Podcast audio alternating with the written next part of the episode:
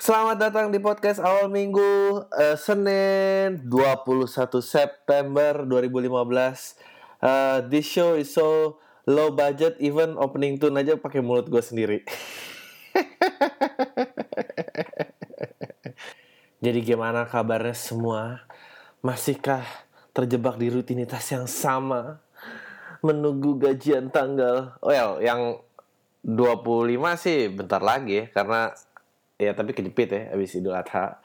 Eh, 28 ya masih ngelewatin weekend. Ini adalah eh, weekend paling berat untuk orang-orang yang bergaji di 28 karena biasanya anjir. Lo pernah gak sih kayak kayak ini loh kayak men men men men men please dong please please eh boleh transfer gue sepuluh ribu nggak ke bank gue kan minimal transfer sepuluh ribu nih nggak buat apa lo sepuluh ribu enggak soalnya account gue tinggal empat puluh ribu jadi kalau ada sepuluh ribu bisa gue ambil biar nol Aduh, sedih banget lima puluh ribu. Terus lo pegang slipnya tuh tinggal nol rupiah koma berapa gitu. Dude, I, gue gue gue langsung mau ke topik bahasan. Gue tidak pengen berbahasa basi sekian lama. Dude, what's going on? Hah? Apa yang terjadi dengan eh, dunia sosial media di mana tiba-tiba banyak banget simpatisan atau simpati yang diberikan terhadap sebuah korporasi, men. Korporasi eh, kepada perusahaan yang bergerak di bidang transportasi ini, transportasi eh, yang katanya lagi diusik oleh eh, Organda dan orang-orang de- dengan gampang yang memberikan simpati terhadap perusahaan ini apa yang terjadi, men? Menurut gue lo udah gila sih, lo memberikan simpati terhadap perusahaan lo tuh gila. Gue cuma berdoa buat lo semua yang pernah menandatangani suatu lah, mendukung apa tentang ini, ini. Lo, semoga simpati lo diberikan voucher pengganti sih, enak aja. Eh, gue gua beneran nih, gue bukannya mau so eh apa ya? Mau, gue bukannya mau mendukung pemerintah, tapi lebih karena eh gue sampai lihat banyak banget tuh di timeline. Oh ya make your voice count. Please sign the petition. Bla bla bla. Eh gue kasih tau ya mereka tuh perusahaan men. Mereka sebuah badan kapitalis. They, they cost this shit. They make this trouble. Ya biarin aja mereka cari jalan keluar dulu. Gak, gak ada hubungannya dengan simpati lo. Gue gak ngerti tiba-tiba kenapa manusia orang yang punya simpati terhadap perusahaan. Gue belum pernah ngelihat sumur hidup gue sebuah perusahaan melakukan kebaikan buat kemanusiaan. Eh, yang mana? Ah, apa gitu? Eh, perusahaan tuh cari untung. Memang menurut lo kalau ternyata sinyal wifi itu bikin kanker di kulit, mereka akan berhenti bikin router? Enggak, men. Enggak, mereka peduli setan sama kulit lo. Eh, mereka yang akan mereka lakukan adalah mereka akan bikin gue akan menyebarkan propaganda dan menyebarkan ketakutan. Mereka mereka akan lakukan mereka akan bikin kayak enggak enggak enggak enggak enggak enggak. This this doesn't cost anything on your skin. Just just take this vitamin. Nah ntar vitamin itu uh, ada korporasi lagi yang ngasih mereknya dan lu hook on it lu seumur hidup harus hidup dengan vitamin itu. That's is how it works. This is how the world works. Udahlah apa mereka udah menyetop produksi rokok? Eh, da- da- dan dan ini gue bukan gerakan anti merokok ya. Maksud gue kayak ya udah udah jelas-jelas damaging. Tapi menurut gue sih yang orang kalau mau ngerusak dirinya sendiri ya eh, terserah ya gitu. Tapi eh, emang mereka peduli kesehatan lo? Enggak men. Jadi lu tuh udah gila menurut gue. Kalau lu memberikan simpati lo ter- terhadap perusahaan gitu ya oke lah di, di, di mereka diusir. Sama mereka tapi mereka duitnya banyak banget men. Banyak banget. Semua usaha yang berbasis eh, semua usaha startup yang berbasis digital yang ada boomnya gede banget. Like look eh, se- seperti eh, eh, pada saat event-event event-event event-event kesannya eh, eh, gebiar ada event di jalan gitu. Bukan event tuh maksudnya kejadian. Se- pas lu bayangin pas kejadian-kejadian itu ada yang si ojek ojek online itu digebuk-gebukin orang ya. Eh, terus kita eh, simpati menurut gue yang digebukin kasihan. Kasihan yang digebukin sumpah kasihan. Eh, tapi mana perusahaannya ngapain? Ngapa-ngapain gitu. Memang mereka ya, bos paling tinggi yang dapat duit dari sekian banyak itu dapat sekian persen dia turun apa? Enggak enggak pernah turun. Apa gitu? Eh penyuluhan ke bawah tanah nggak ada men nggak ada men. Terus lu nge, lu lu ngerjain PR-nya mereka yang itu wah lu udah gila sih menurut gue lu udah gila sih. Kita semua tahu lah gitu. Gila Dri. Lu mulai parah banget nih. Hari bodoh amat. Nggak gue gue gue beneran sangat tidak mengerti. Kita semua tahu se seberapa sih gitu se seorang korporasi membantu kemanusiaan itu seberapa? We, we all know the story. Kita pernah lihat footage-nya gitu. Kalau misalnya di acara infotainment infotainment gitu misalnya kayak uh, dikasih uh, apa apa uh, suplai makanan suplai makanan instan kepada korban bencana alam. Terus uh, infotainment disuruh ngeliput gitu kan. Orang udah nangis terima kasih. Kepada perusahaan A telah, telah menunjukkan. Ibu ibu ibu ibu ibu ini lagi di shoot ibu kalau nangis uh, kardus mie instannya jangan ketutupan bu. Mereknya bu. Tangannya coba minggirin bu. Aja kasihan banget kan? Iya kan? We all seen that footage. Terima kasih. Tapi iya bu, ibu saya ngerti ibu sedih bu. Coba tangannya naikin dikit bu. Ini harus di shoot bu. Mereknya bu harus di shoot. Mana ada? Gak ada. Gila apa lo? Men, mereka tuh gede banget loh dapat duit. Nah, kalau lo menggunakan fasilitasnya, ya gunain aja fasilitasnya. Kenapa jadi Let me tell you uh, so, uh, pengamatan gue tentang kenapa kejadian uh, bentrokan uh, ya pemerintah lah ya gitu terhadap bentuk usaha baru ini terjadi. Gue kasih tau ya, gue kasih tau. Ini ini of course eh, uh, cerita gue nih nggak nggak nggak ada buktinya, nggak ada fondasinya. Tapi gue yakin masuk akal. ya seperti layaknya semua bentuk uh, gue nggak tahu ya lu pernah dengar habit gue tentang uh, pemerintah itu adalah preman pasar. Wah intinya bitnya adalah uh, pemerintah itu preman pasar gitu bahwa uh, ya lo lu kalau mau aman, lu mau sejahtera, lu mau usaha tempat gue ya lu lu lu bayar lah upeti ke gue gini gini gini, gini segala macam gitu kan. Uh, nah maka maka akan gue jamin keberhasilan dan kelangsungan usaha lo. Oke, okay? nah jadi ceritanya sebelum ada bentuk semua startup ini gitu ya, ya dan teknologi-teknologi ini ah gue rasa usaha bentuk-bentuk yang dilakukan adalah uh, usaha kolusi dan monopoli. That's that's how they do. Uh, that's how they earn their extra money gitu ya, ya sih kayak oh lu mau jadi uh, uh, nomor satu di bidang usaha ini apa pun ya mau transportasi mau uh, shipping kah mau apa lu mau jadi nomor satu? Oke gue buka kerannya lu bayar sekian gue jaga lu nomor satu. Kapal yang ber misalnya uh, kalau misalnya ya taksi deh biar gampang ini biar or, uh, taksi gitu. Oh merek lu A lu pengen jadi nomor satu? Oke gue kasih jatah lu paling banyak sekian lu akan menjadi, selalu menjadi nomor satu. Nomor dua lu coba bayar segini ya lu nomor dua lu segini aja gitu. Misalnya ada porsi 13 15 eh, ribu taksi yang boleh beredar di di di Jakarta gitu. Lo pengen jadi nomor satu, bayar lo sekian. Oke, nih ya pokoknya 8 ribu lo yang pegang setengahnya udah lo pegang. Oke, yang nomor dua berapa? Oke nih, gue kasih nih 2 ribu buat lo. Ya, nomor dua ya tetap aja nomor dua nggak akan bisa ya karena kerannya nggak dibuka. That's how they operate, tau gak lo? Bahwa jadi seolah-olah nih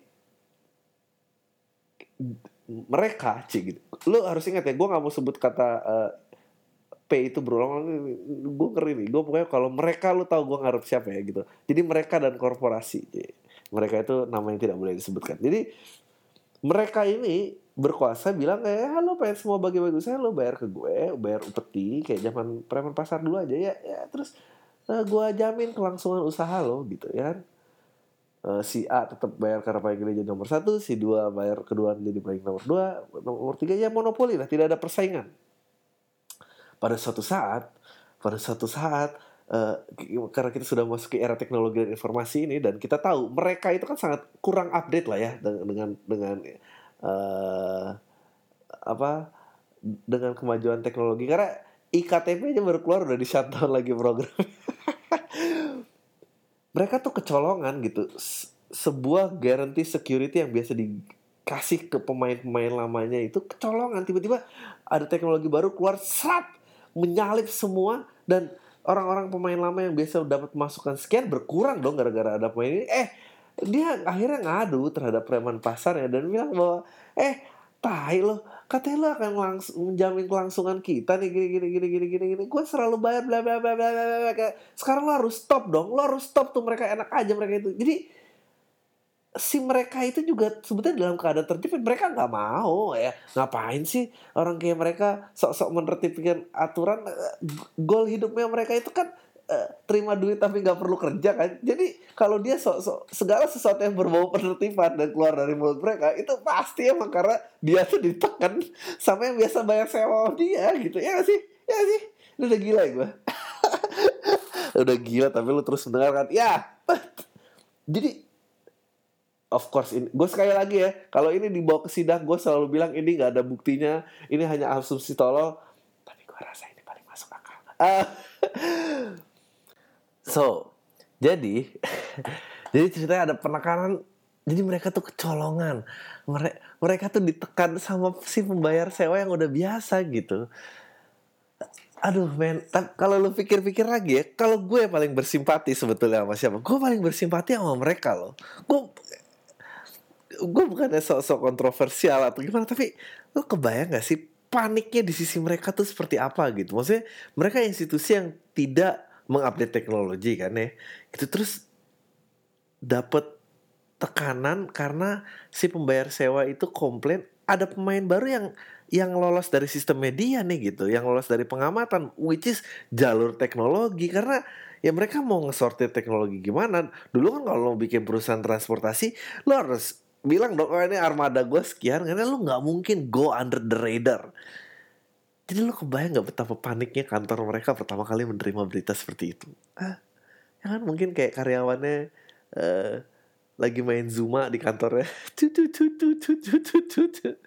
Terus tiba-tiba bosnya marah keluar dari ruangan ah goblok ya kalian semua gimana sih kalian nih? Kan, kan jadi pembayar sewa sama kita tuh marah kalian nih. Nggak tahu kerjanya main zoom aja semua di kantor bukannya mengawasi. Tujuan kita tuh kalau udah terima dari mereka kita harus bisa harus bisa membatasi ruang gerak yang lain. Udah yang nomor satu tetap nomor satu nomor dua kalian nih.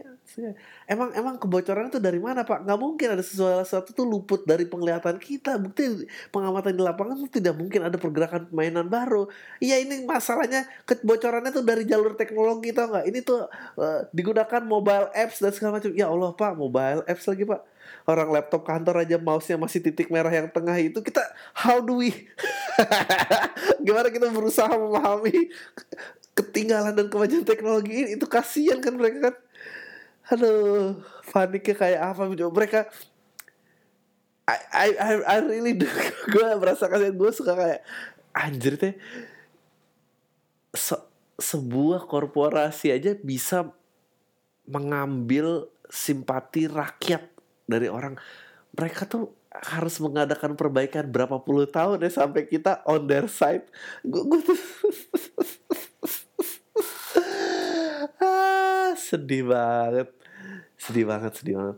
Ya mungkin gue kemarin juga tweet-tweetan gitu ya bahwa ya gue gue nge-tweet gue bilang bahwa wow uh, di hari gini bahwa sekarang people tuh give sympathy for corporation ya gitu. Wow gitu. Maksudnya banyak banget gitu simpati yang bisa kita berikan untuk nilai-nilai kemanusiaan lain. Tapi kita memilih ini itu itu yang otak gue udah kayak oh ya terus dia ada yang nyamber lah ya habis mereka nya sih bla bla bla bla ya, ya tapi tetap aja gitu kan misalnya ada yang lain. Terus dia ngetit uh, at dogu dogu dia bilang bahwa ya mungkin ini the closest thing we have to anarchy anjing sedih banget berarti gue gak tahu mana yang lebih sedih sih.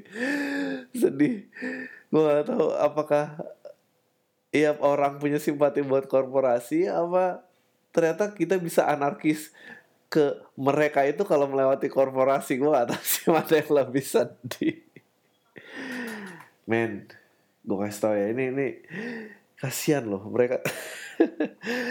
Mereka cara monopoli dan uh, kolusinya itu akhirnya memudar gitu. Mereka tidak jadi tuan tanah lagi gitu. Mereka tidak menjadi preman-preman yang biasa uh, di wilayah sendiri gara-gara teknologi. Men gua tapi gue kasih tau ya ini, ini, ini salah satu kesimpulan gila ya. Menurut gue ya negara ini gitu. Wes wes wes. Gue kalau sebetulnya gampang banget kalau bikin sesuatu obrolan yang berat begitu gue mulai dengan negara ini pasti semua orang langsung wes wes. Nah padahal belum tahu jelas kontennya apa uh, uh, nih ya gue kemarin ngomongin gitu ya kayak negara ini korupsi banget. We we corrupted so much ya. Menurut gue saking tinggi tingkat korupsi kita tuh kita akhirnya melindungi diri kita dari uh, penjajahan kapitalisasi asing. Iya benar karena karena terbiasa dengan meminta uh, jatah preman tersebut gitu. Jadi semua investor asing pun yang akhirnya menolak masuk karena males dong harus bayar sama uh, harus ada store terhadap tuan tanah itu mereka cara yang tidak terbiasa. Jadi uh, eh, gue nggak tahu ya gitu. Kayaknya itu satu satu aspek yang kita harus berterima kasih kepada mereka gitu bahwa mereka korupsi saking tingginya itu mereka melindungi kita loh dari dari infiltrasi perusahaan-perusahaan asing gitu beneran deh lu lu pikir lu pikir ya kalau luar negeri bisa berinvestasi secara penuh di negara ini menurut lo uh, usaha kayak Tamrin City, uh, eh, ITC, toko-toko kelontong yang dikelola perorangan bisa survive? Gak bisa men, gak bisa men. Lo pikir uh, keripik Maici gitu bisa survive kalau ntar misalnya kayak apa-apa KFC masuk secara full blown gitu nggak bisa kelibas pasti. Lawan Pringles gitu kalau bisa full blown kelibas. Sebetulnya pada saat tinggi tingginya level korupsi seperti ini ya kalau uh, anak bangsa ingin melahirkan karyanya ini saatnya. Si si lo ngerti kan kenapa gue sebetulnya udah udah udah agak males gue ngomongin politik dan yang berat banget karena gue udah bisa lihat aduh gue gak tau gue udah skeptis banget. Katanya beneran loh. Lo pikir kalau dia buk kalau kerannya terbuka lebar ya persaingan asing bisa masuk dengan bebas tanpa ada preman yang bercokol mati men semua. Mati mati beneran. Nggak akan ada tuh Tamrin City nggak ada. Lo nggak akan bisa tuh cari batik-batik lima belas ribu gitu batik lo ada merek Nike-nya aja gitu ya gak sih? Batik tuh batik tapi tapi tapi duitnya keluar. Jadi eh, saran gue sih kalau korupsi juga mau dihapuskan ya itu harus dihapusin perlahan sih. Selagi dihapusin gitu ya, kita kita menguatkan karya anak negeri naik gitu. Jadi kalau kita uh, punya duit kita spend lagi di dalam negeri habis itu mereka produce lagi, kita ngegaji orang dan beli terus sampai gitu sampai akhirnya nilai. Kalau itu tiba-tiba hilang sih ya uh, mati sih kita. Well, ya kalau tiba-tiba gue udah nggak siaran lagi dan diculik oleh negeri paman Sam ya berarti gue karena membocorkan modus ini ya. gue yak, gue yak, ini nggak ada buktinya sekali lagi ya. Tapi gue yakin ini nggak salah salah banget. Um, look at kalau lu nggak percaya gue uh, dan uh, gue bukan mau menye eh nggak mungkin ya gue nggak menyebarkan keparnoan pasti lah gue menyebarkan keparnoan um, kalau lu nggak percaya sama gue kayak KPK gitu. Menurut lo dananya KPK dari siapa? Siapa yang berusaha membersihkan korupsi di negara ini? Dananya dari mana? Ya pasti perusahaan itu adalah uh, eh negara itu adalah yang memiliki perusahaan paling besar untuk berinvestasi di sini. Anjing udah anjing scary banget ya. Udah 20 menit loh ini. Ngeri kayak gini. Well I but I guess that's just the world we live in. Nah, kita harus terima keadaannya. But eh, makanya itu dia menurut gue lu tuh janganlah memberikan simpati terhadap korporasi ya mereka buat duit banyak ya lo ya sih lo berantem aja sendiri ngapain lo main beneran deh. Gue tuh mau menekankan bahwa um, banyak yang bisa lo kasih waktunya buat ini gitu petisi apa kayak gini.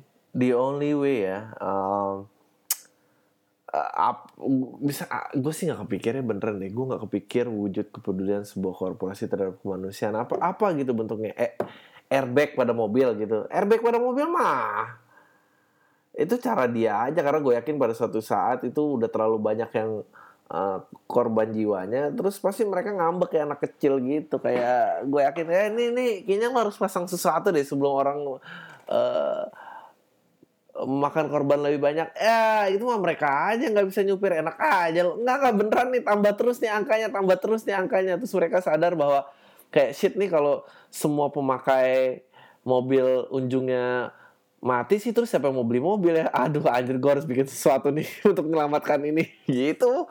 Nggak mungkin apa lu duluan gitu alasannya. Nggak percaya gue nggak beneran lu juga nggak harus percaya apa pun yang dikatakan gue maupun uh, seorang korporasi gitu eh gue tuh penasaran ya sama iklan iklan-iklan yang yang yang berkomentar di Instagram itu sukses rate-nya berapa sih gitu? Kayak misalnya lu naruh apa gitu terus kayak di Instagramnya Agnesmo gitu misalnya terus ada uh, apa tuh namanya kayak pemutih mohon telepon bla bla bla bla bla itu yang bikin ide itu beneran memakan korban apa enggak sih gitu maksud gue kayak Boya kalau nipu tuh jangan blow on banget gitu. Siapa gitu yang mau nelfon balik gitu? Nggak ada kayaknya. Dan aduh nggak tau gue tuh gue tuh irritated sih sama yang namanya ke kebodohan gitu ya. Mau mau apa mau tujuannya baik tapi bodoh gue gregetan. Mau tujuannya jahat bodoh gue juga gregetan gitu. Gue emang nggak bisa kayak kayak siapa tuh anggota DPR yang baru selfie? Ya itulah siapa namanya sebetulnya gue ngetrik sih biar lo yang nyebut namanya bukan gue. Jadi kalau podcast ini kenapa-napa gue gue gak pernah nyebut namanya itu salah lah nyebut uh, pokoknya kita bikin Marno lah yang dengerin kayak orang itu ya aduh. Ini ini ini, ini dia kenapa kita masih lama banget majunya gitu ya. Yang bikin gue kesel sama orang itu tuh bukan ya oke okay lah pakai duit negara. Ya kesel pasti namanya duit negara yang uh, di, apa duit rakyat dipakai buat urusan pribadi. Ya kalau emang bener ya tuntutannya. Ya, yang bikin gue lebih kesel adalah kalau udah maling blow on sih gitu? Lo kalau mau ngambil duit boya lebih pinter gitu caranya. Itu kan yang bikin ah kalau yang mimpin aja begini nih gimana urusannya kita sih gitu? Gue aduh oke gini deh. Berapa banyak pendengar perempuan di sini yang yang yang, yang pernah diselingkuhi ya? Tapi dia diselingkuhi saking bodohnya lo akhirnya geleng-geleng sendiri. Anjing boy ya lo kalau aduh lu gampang banget sih ketahuan goblok banget sih lo gitu boy ya. Apa kayak tipu gue lebih lama lagi kayak kenapa langsung gini gitu? Lo juga nggak pakai ngetek pergi tempat sama dia lu berani mati apa gimana sih? Apa apa lo mau apa lo mau pakai taktik itu ya gitu? Gue gue berusaha menyelami pikiran dia apa dia mau pakai taktik? Yang enggak gue nggak ada yang disembunyiin makanya gue nggak ada apa-apa gitu. Lu tau kan tuh hiding in plain sight gitu. Uh, tempat paling aman adalah di di mata topan gitu kayak tempat paling aman adalah di mulut harimau. Apa apa lo mau pakai taktik itu ya? Enggak, enggak. Biasanya kan kamu selalu tahu kan aku emang temenan sama dia. Ya, men. Kalau ada niat sesuatu tuh auranya jadi beda. Tuh lo. Auranya jadi beda. Sama aja kayak. Aduh, yang innocent sama yang gak innocent tuh beda. Aduh, kenapa sih? Kayak.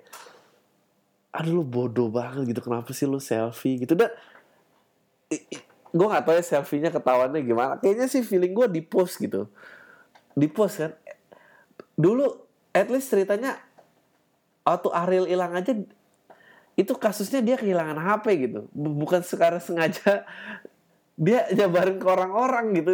Dia emang kehilangan HP atau dia berusaha jual tapi lupa ngapus terus ada orang yang meras itu oke okay lah gitu. Tapi kalau lu ngebuk aduh kayak aduh lu tolol banget sih lu tolol. Oh, aduh mau jadi apa beneran deh gue seneng nih membicarakan suatu kegoblokan uh, uh, dari satu kegoblokan yang lainnya gitu. Dan gue berusaha topikal nih biar biar bisa direlate banyak orang. Sama yang ini ya apa tuh?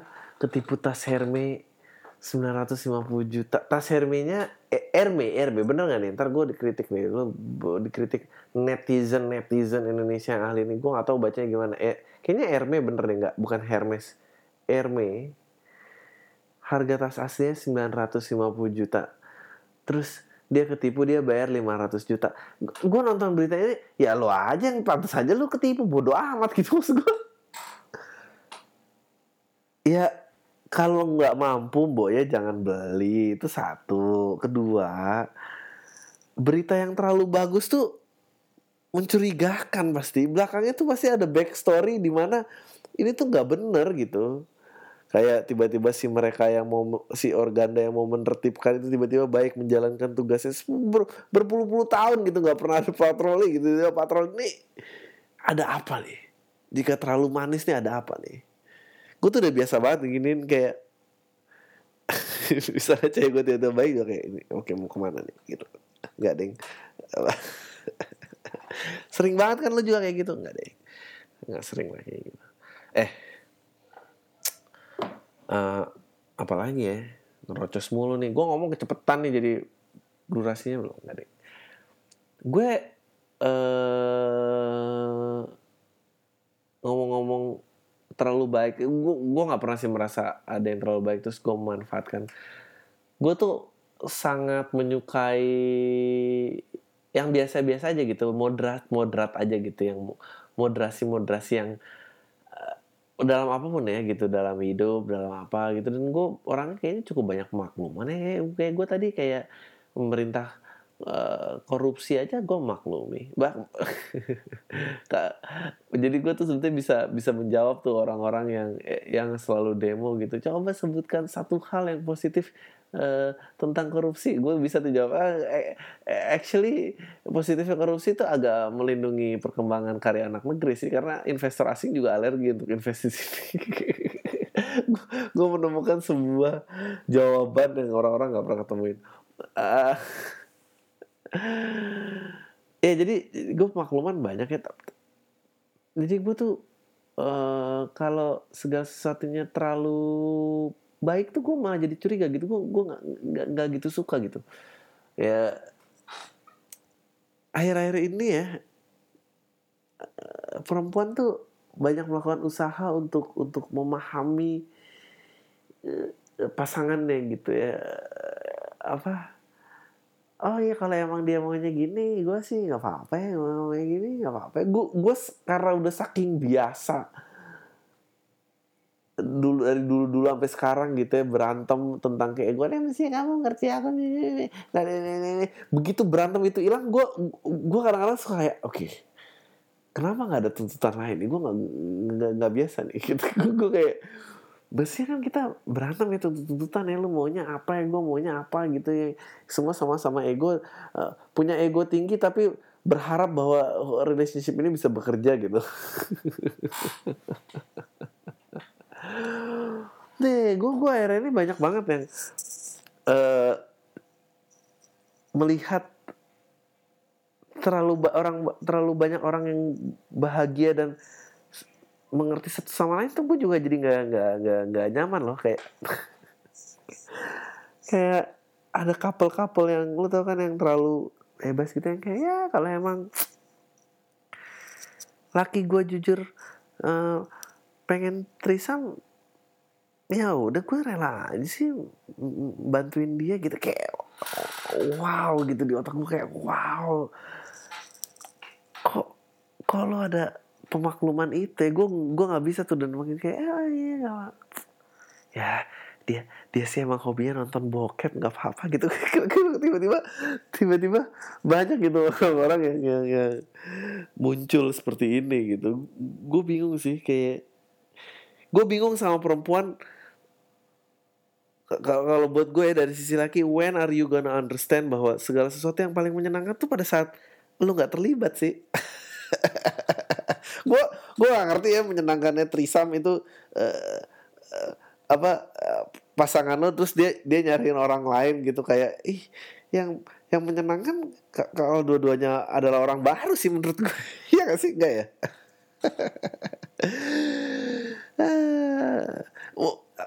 coba coba debat gue coba debat gue. siapa yang di sini hobinya nonton bola ya? Terus selalu pada saat nonton bola banyak sama jomblo-jomblo itu hobi ho, berharap kayak oh gila ya. Uh, dia, dia be, nonton bola bete gitu diteleponin apa apa apa gitu. Terus kayak ah, suruh pulang dan lu bete sama teman ah emang nih cewek gue nggak asik gue harus pulang gue nggak bisa boys night out bla bla bla gitu. And then lu wishing bahwa aduh coba gue dapet cewek yang sehobi sama gue yang mengerti perasaan gue apa. Terus lu dapet boom the next time lu nonton bola lu sama sahabat lu dan ada cewek lo di situ dia ikut bersorak-sorai dan lu nggak bisa ngomongin cewek lo ya yang menyenangkan kan? Mereka tuh sulit untuk sulit untuk hidup bareng mereka. Makanya lo butuh tempat lain untuk ngomongin mereka ya kan? Sebebas-bebasnya mereka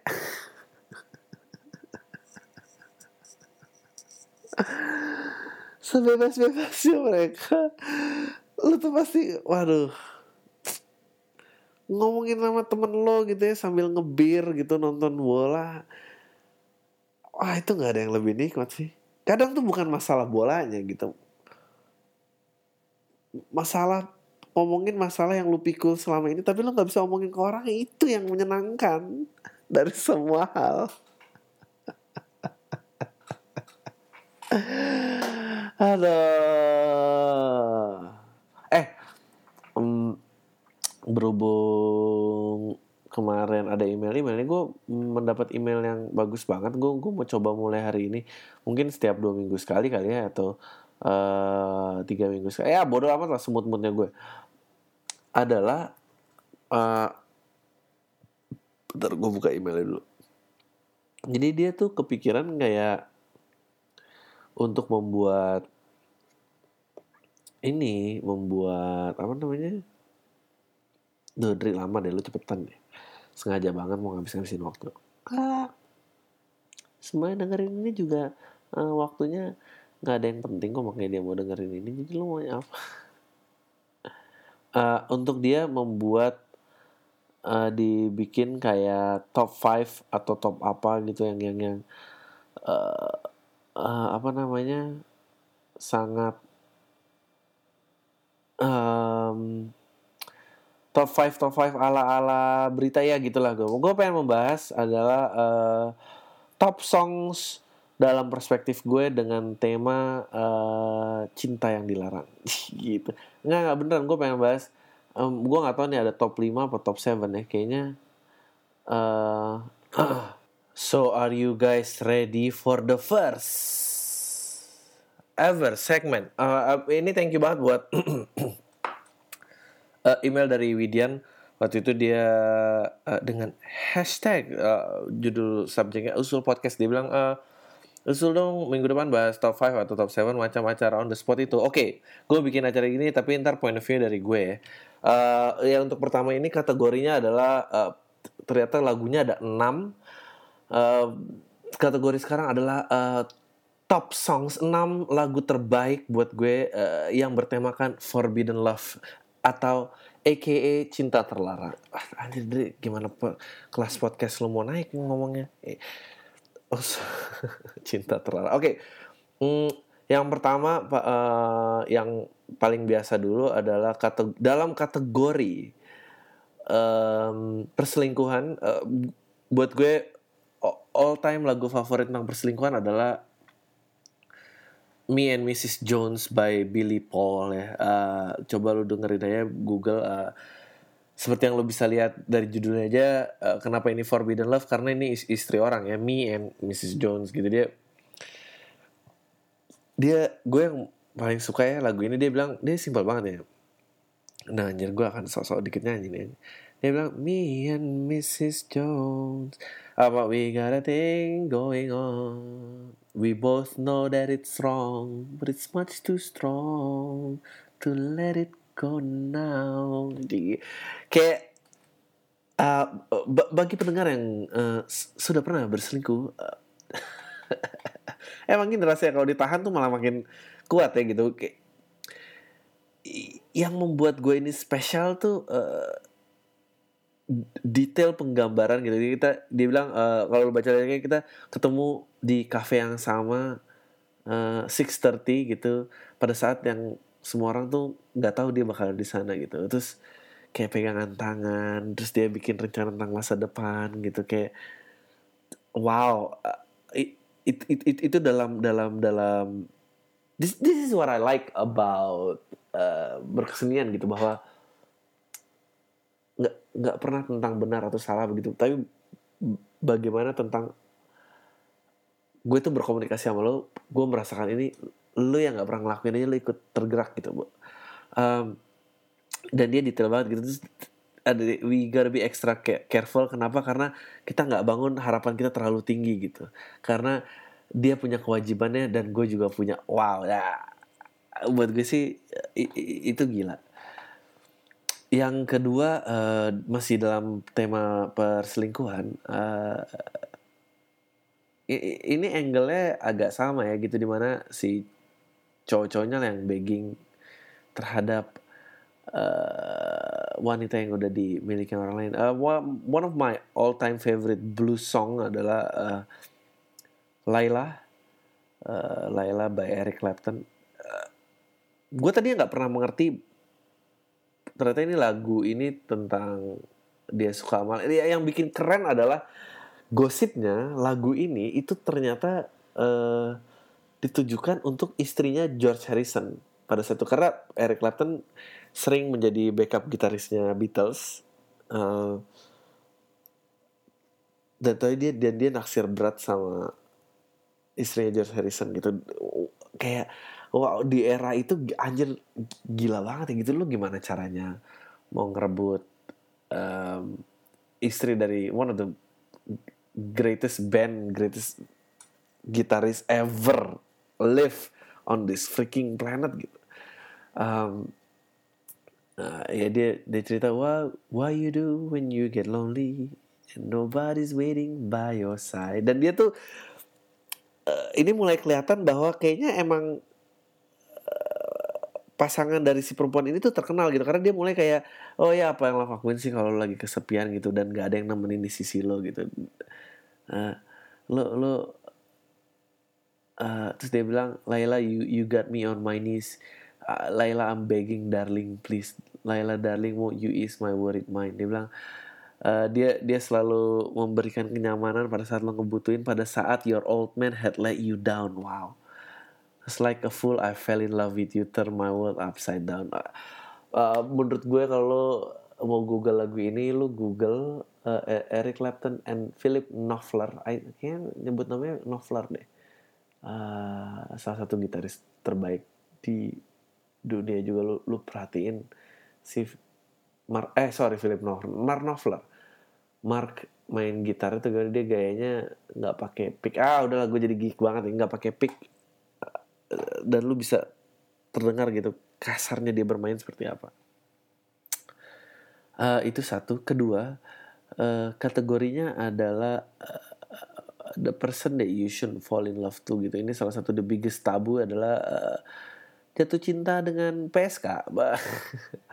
I used to have a bit pertama kali gue masih ada di videonya gue nggak tahu kapan gue mau pertama kali. Ini salah satu uh, apa ya open mic pertama gue gitu mungkin ini performance ketiga kali ya. Tapi joknya sama dengan performance pertama. Bahwa gue sering punya jok bahwa gue gue salut sama orang-orang yang yang berani main sama PSK gitu. Karena gue nggak berani karena gue, gue ngerinya gue ajak ngobrol terus gue jatuh cinta. Lagi repot ya.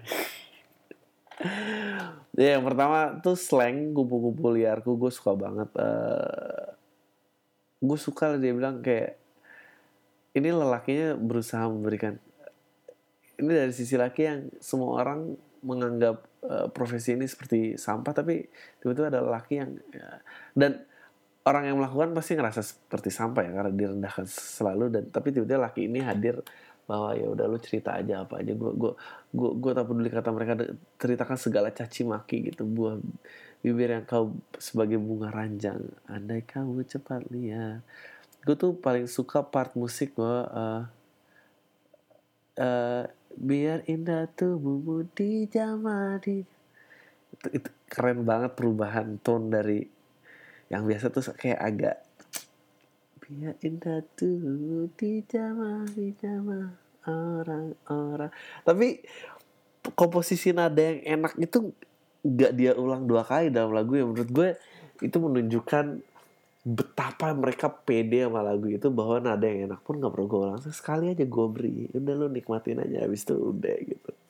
Uh, kumpul liarku slangnya. Uh, kedua uh, di kategori yang sama gitu uh, ini by the police. Judulnya Roxanne you don't have to put on a red light. Those days are over You don't have to sell your body to the night, Roxanne. Dari sini gue suka sih kalau udah penggambaran detail gitu. Ini, ini kelihatan cowoknya udah mulai obsesif dan pengen ngatur dia gitu. Dan udah jatuh cinta banget udah mulai ngatur-ngatur soalnya nih. Kayak lo lo nggak perlu berdiri di perempatan itu lagi gitu. Hari-hari itu udah tuh lo habis udah bisa tutup gitu. Lo nggak perlu lagi pakai baju itu walk the street for money. Uh, I love you since I knew you. I won't talk down to you. I have to tell you just how I feel. I won't share you with another boy. Oh, gila dalam hati I love you since I know you. Gue gue nggak akan merendahkan lo gitu. Cik gitu. Um, ya. Ya buat gue sih Police adalah salah satu band yang Police tuh kayak kumpulan jenius geniuses dalam satu band gitu. Pemain drumnya gitarisnya of course. Uh, Sting juga gitu. Dan Sting cukup gila gitu pada saat band lagi tinggi tinggi dia cabut gitu. Oke. Okay. itu lagu ke udah empat nih lagu kelima di kategori uh, uh, kalau tadi kan PSK ya. Ini di kategori ini kisah percintaan murid terhadap gurunya. Uh, ini Again by the Police judulnya Don't Stand So Close to Me. Jadi ceritanya ini uh, dari kisah nyatanya si Sting. Si Sting tuh dulu uh, dia guru, guru bahasa Inggris sama substitute teacher. Jadi dia uh, ngajar dan kayaknya ada murid yang suka sama dia dan dan dia ketakutan gitu. Makanya judulnya Don't Stand So Close to Me karena kalau gua nggak kuat iman nih gua embat juga gitu. dan judul itu yang membuat yang memanusiakan dia gitu. Pasti lalu salah lah kalau namanya guru dan murid gitu. Apalagi muridnya di bawah umur dewasa lu tidak bisa memanfaatkan keinesenan orang gitu. So they, what they say gitu. Tapi ternyata kan mereka kadang suka bandel ya cik gitu. Nggak nggak itu nggak boleh. Tapi di ceritanya uh, dia cerita kayak yang teacher the subject of school girl fantasy she want him so badly knows what she wants to be. Uh inside her there's longing this girl is open page. Jadi tuh dia bilang kayak dari mata gurunya kayak anjir nih si cewek ini udah mulai mikir jorok dan gue tahu gitu. Kayak bookmarking she so close now this girl is half his age don't stand. Don't stand. Don't stand. So close to me. Uh, ya ini satu. Dan yang terakhir adalah uh, mungkin agak nggak biasa mungkin nggak banyak yang tahu. Uh, Rod Stewart Maggie May. Kenapa ini termasuk salah satu uh, lagu tentang Forbidden Love ala Adriano Calbi karena Maggie May ini lu dengerin aja gue gue suka I think it's one of the all time classic semua aja Dri. One of the one of the. Um, Maggie May ini ceritanya tentang dan ternyata ini kisah nyatanya Rod Stewart. Ini cerita dia kehilangan keperjakaannya to older women dan kayaknya kalau lu nonton uh, carpooling di YouTube lu cari di carpooling Rod Stewart itu di situ Rod Stewart cerita kayaknya si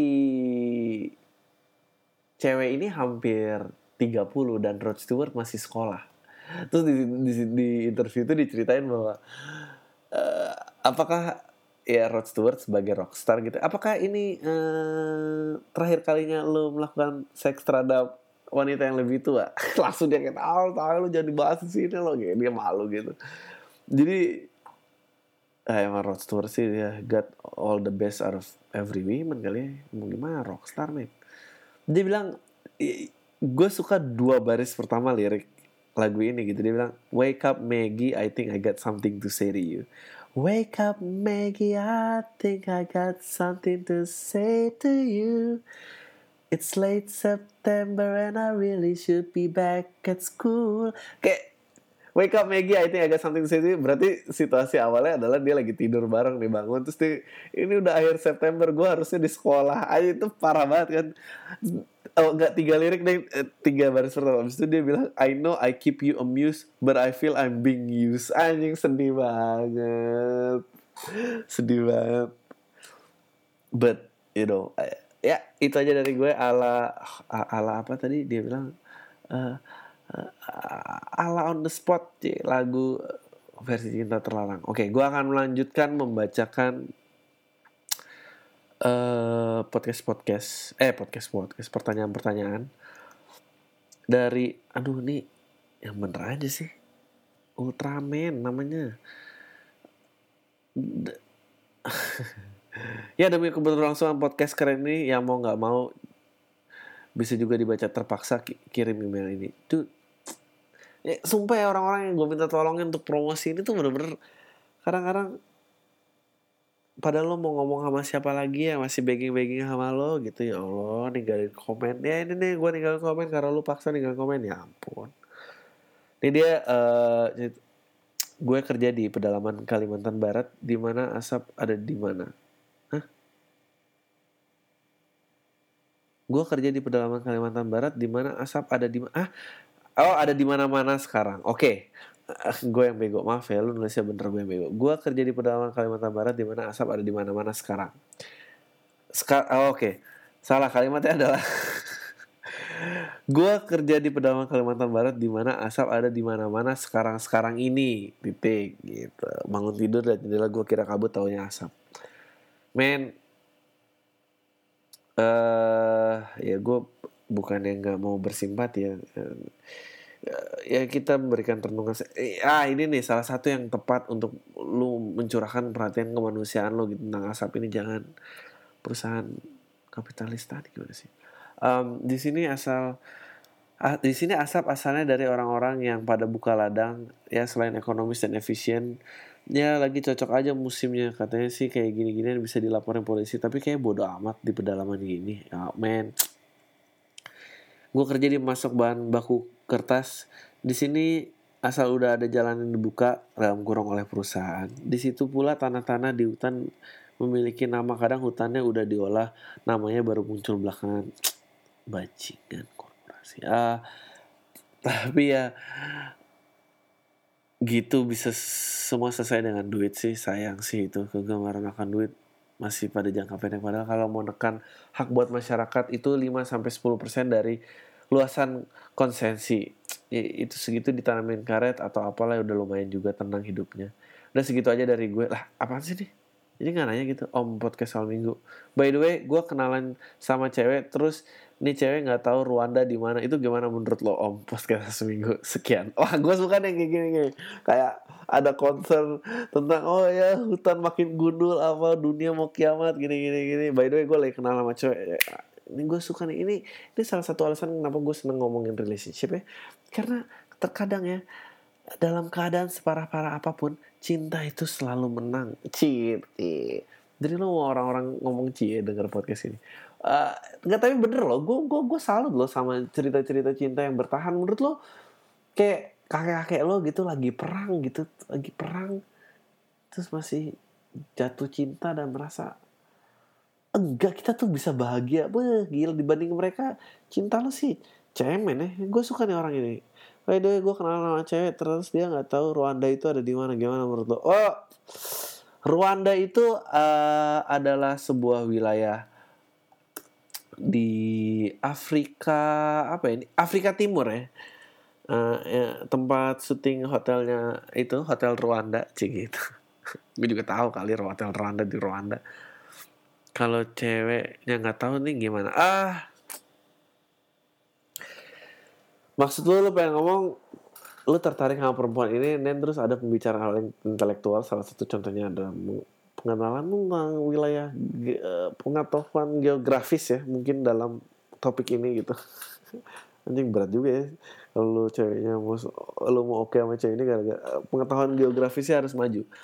Menurut lu gimana? Menurut gue kalau dia tidak memenuhi standar intelektual lu menurut gue adalah tergantung seberapa cantik dia sampai lo bisa mengenyampingkan uh, tentang ketidakketahuannya dia. Tentang betapa rendahnya nilai geografisnya dia yang dia dapat waktu SMP atau SMA gitu ya. Seberapa ya, dan ini juga peraturan yang berlaku sama gitu ya buat misalnya perempuan yang uh, kecewa kecewa sama cowok.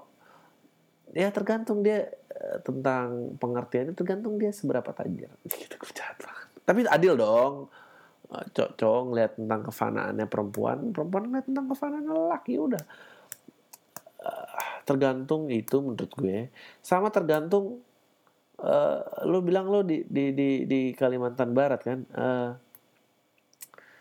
seberapa jauh lo harus melangkah untuk kira-kira bisa ketemu potensi cewek berikutnya sih yang yang uh, apa yang tahu Rwanda tapi nggak jauh-jauh banget dari daerah lo gitu. Apalagi kabut kan ntar lo oh, ceweknya jauh diapelin lo nabrak lagi. Jadi ya lo, lo pikir ulang-ulang apa gue udah sama cewek ini yang tertarik tapi nggak tahu Rwanda? Apa yang uh, di tempat desa lain gitu? Jadi gue harus naik motor ntar kabut harus ada resiko gue ketabrak nih baru. Tergantung jadi lu timbang-timbang aja semoga lo segera mendapat uh, solusinya. Oke. Okay. Berikutnya uh, dari Desi. Um, si Desi ini, ini udah berapa menit sih? Oh, 52 menit everybody. Uh, gue akan baca berurutan aja karena mulai banyak nih. Uh, halo bang, aku dari Desi dari Batam nih. Kita kapan lagi main ke Batam bang? Kayaknya lu paling seneng dikatain tai ya. Iya, gue suka sih kata tai itu. Bang lu sadar gak sih? Dengan cara lu podcast awal minggu ini udah kayak diary. Masukin aja nih tiba, tiba lu podcast lu kayak cerita singkat dalam lu seminggu. Itu apa aja membuat lu resah. Terima kasih. Ah, membuat gue ya, ya itu yang tadi gue ceritain resah.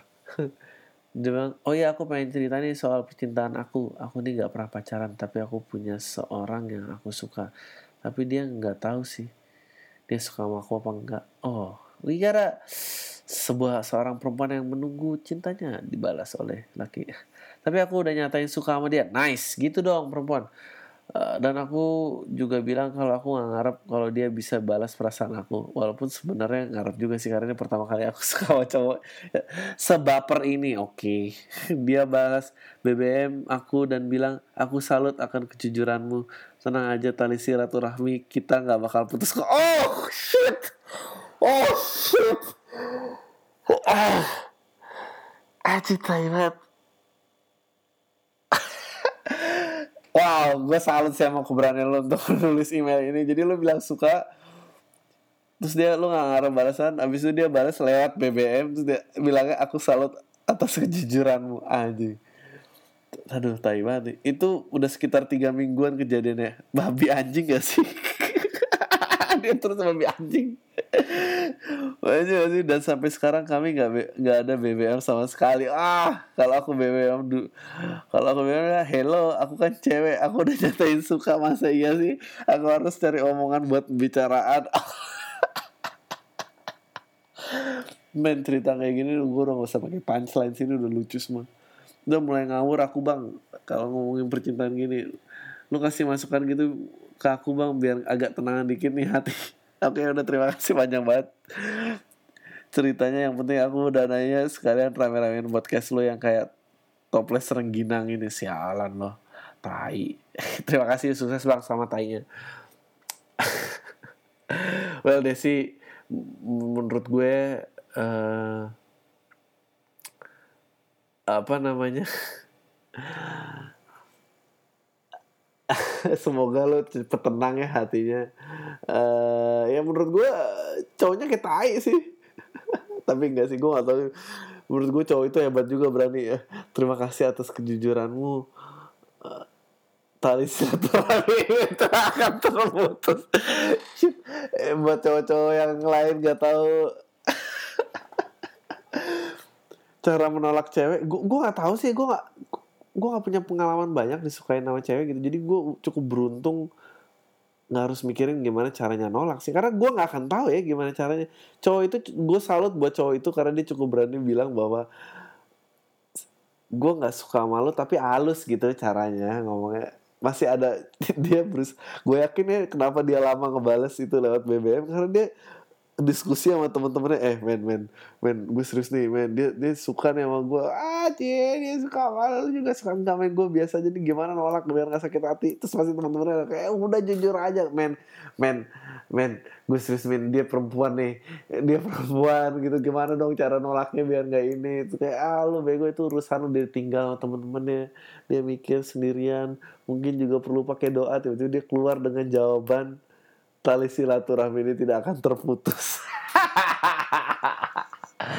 gak gak lo lo lo harus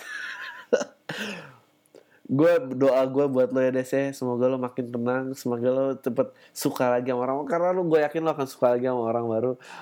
Semoga lo juga tertawa dengar gue uh, naik naikin kayak gini. Tapi lo mesti bersyukur aja sih karena cowok itu beneran ngambil waktu dan mikirin gimana cara balas yang baik gitu. Karena kalau cowok pada umumnya dan yang brengsek dia akan bohong dan manfaatin lo. Ah! Udah eh udah ya udah udah, udah, udah hampir sejam men. Uh, udah sekian dari gue uh, I see you guys next week. Uh, thank you banget thank you banget for the email for the twitter. Oh ketai-taian lo semua yang ninggalin komen dan segala macam. Uh, I feel the love man. I feel the love. Thank you. Oh ada yang iseng bikinin kaos podcast. Awal minggu men. Gokil gak tuh? Thank you banget. I'll see you guys next week. Uh, semoga cepat gajian. Tai lo semua. Deh